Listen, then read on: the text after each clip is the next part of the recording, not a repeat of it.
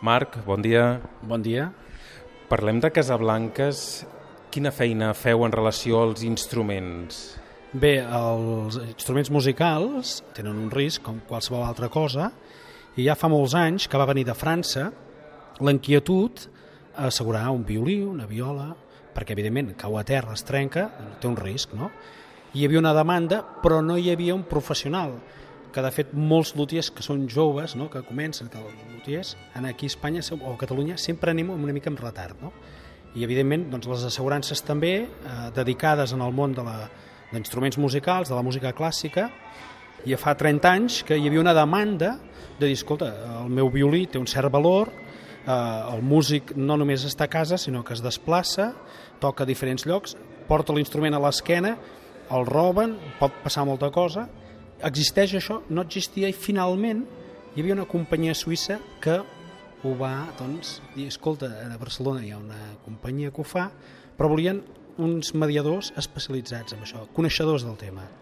I a partir d'aquí doncs, neix la nostra inquietud, perquè a casa som, tots els meus germans són músics, de música clàssica, a partir d'aquí doncs, eh, és molt fàcil, es troba un enllaç de mediadors d'assegurances i músics i esclar, es, va, es va començar a comercialitzar a Catalunya.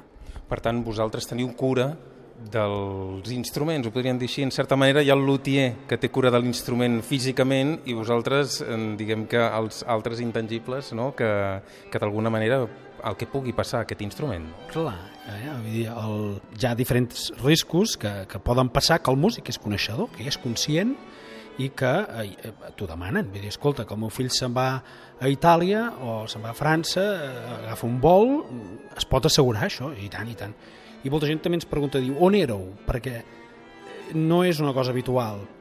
Moltes corredories es dediquen a, a assegurances particulars, industrials, però del món de la cultura o, per exemple, de la música clàssica, n'hi han dos a tot l'estat. És una cosa que has de ser coneixedor, has de conèixer història de la música, has de conèixer què és un violí, què és un oboè, què és un fagot. Eh? Has de tenir una sèrie de coneixements molt importants per poder parlar amb el músic, perquè si no, no tens el mateix llenguatge.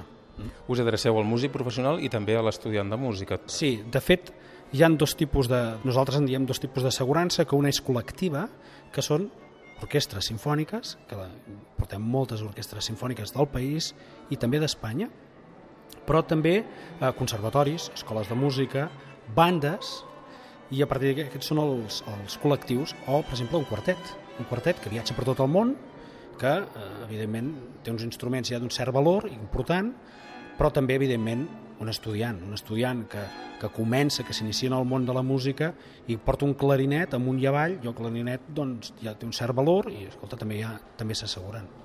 Aquesta entrevista l'estem gravant a la Fira de Lutiers de Cervera. Vosaltres no és el primer any que, que veniu, ja en porteu uns quants.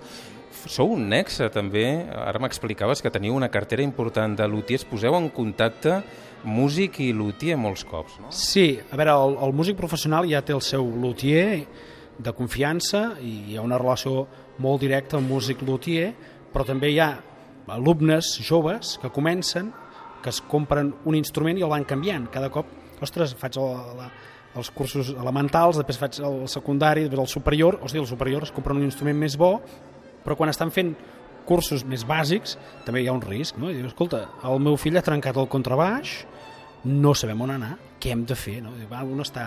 Pues estic a tal poble o a tal ciutat. Pues mira, a 40 quilòmetres tens un notícia, si no coneixes ningú, aquest el coneixem, és bo, és un bon professional, es pot aconsellar, escolta, pots anar allà i parla amb ell, a veure què tal, no?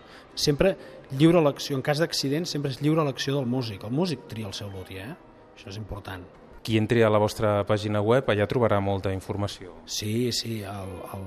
hi ha un tarificador que la gent pot posar el valor de l'instrument, perquè l'assegurança va en funció del valor, l'àmbit, perquè pot ser estatal, europeu o mundial, i després hi ha, hi ha tota una sèrie de passos, però pot calcular el cost de l'assegurança, però també té penjat online tot un directori de lutiers de tot Catalunya, de tot Espanya i Portugal.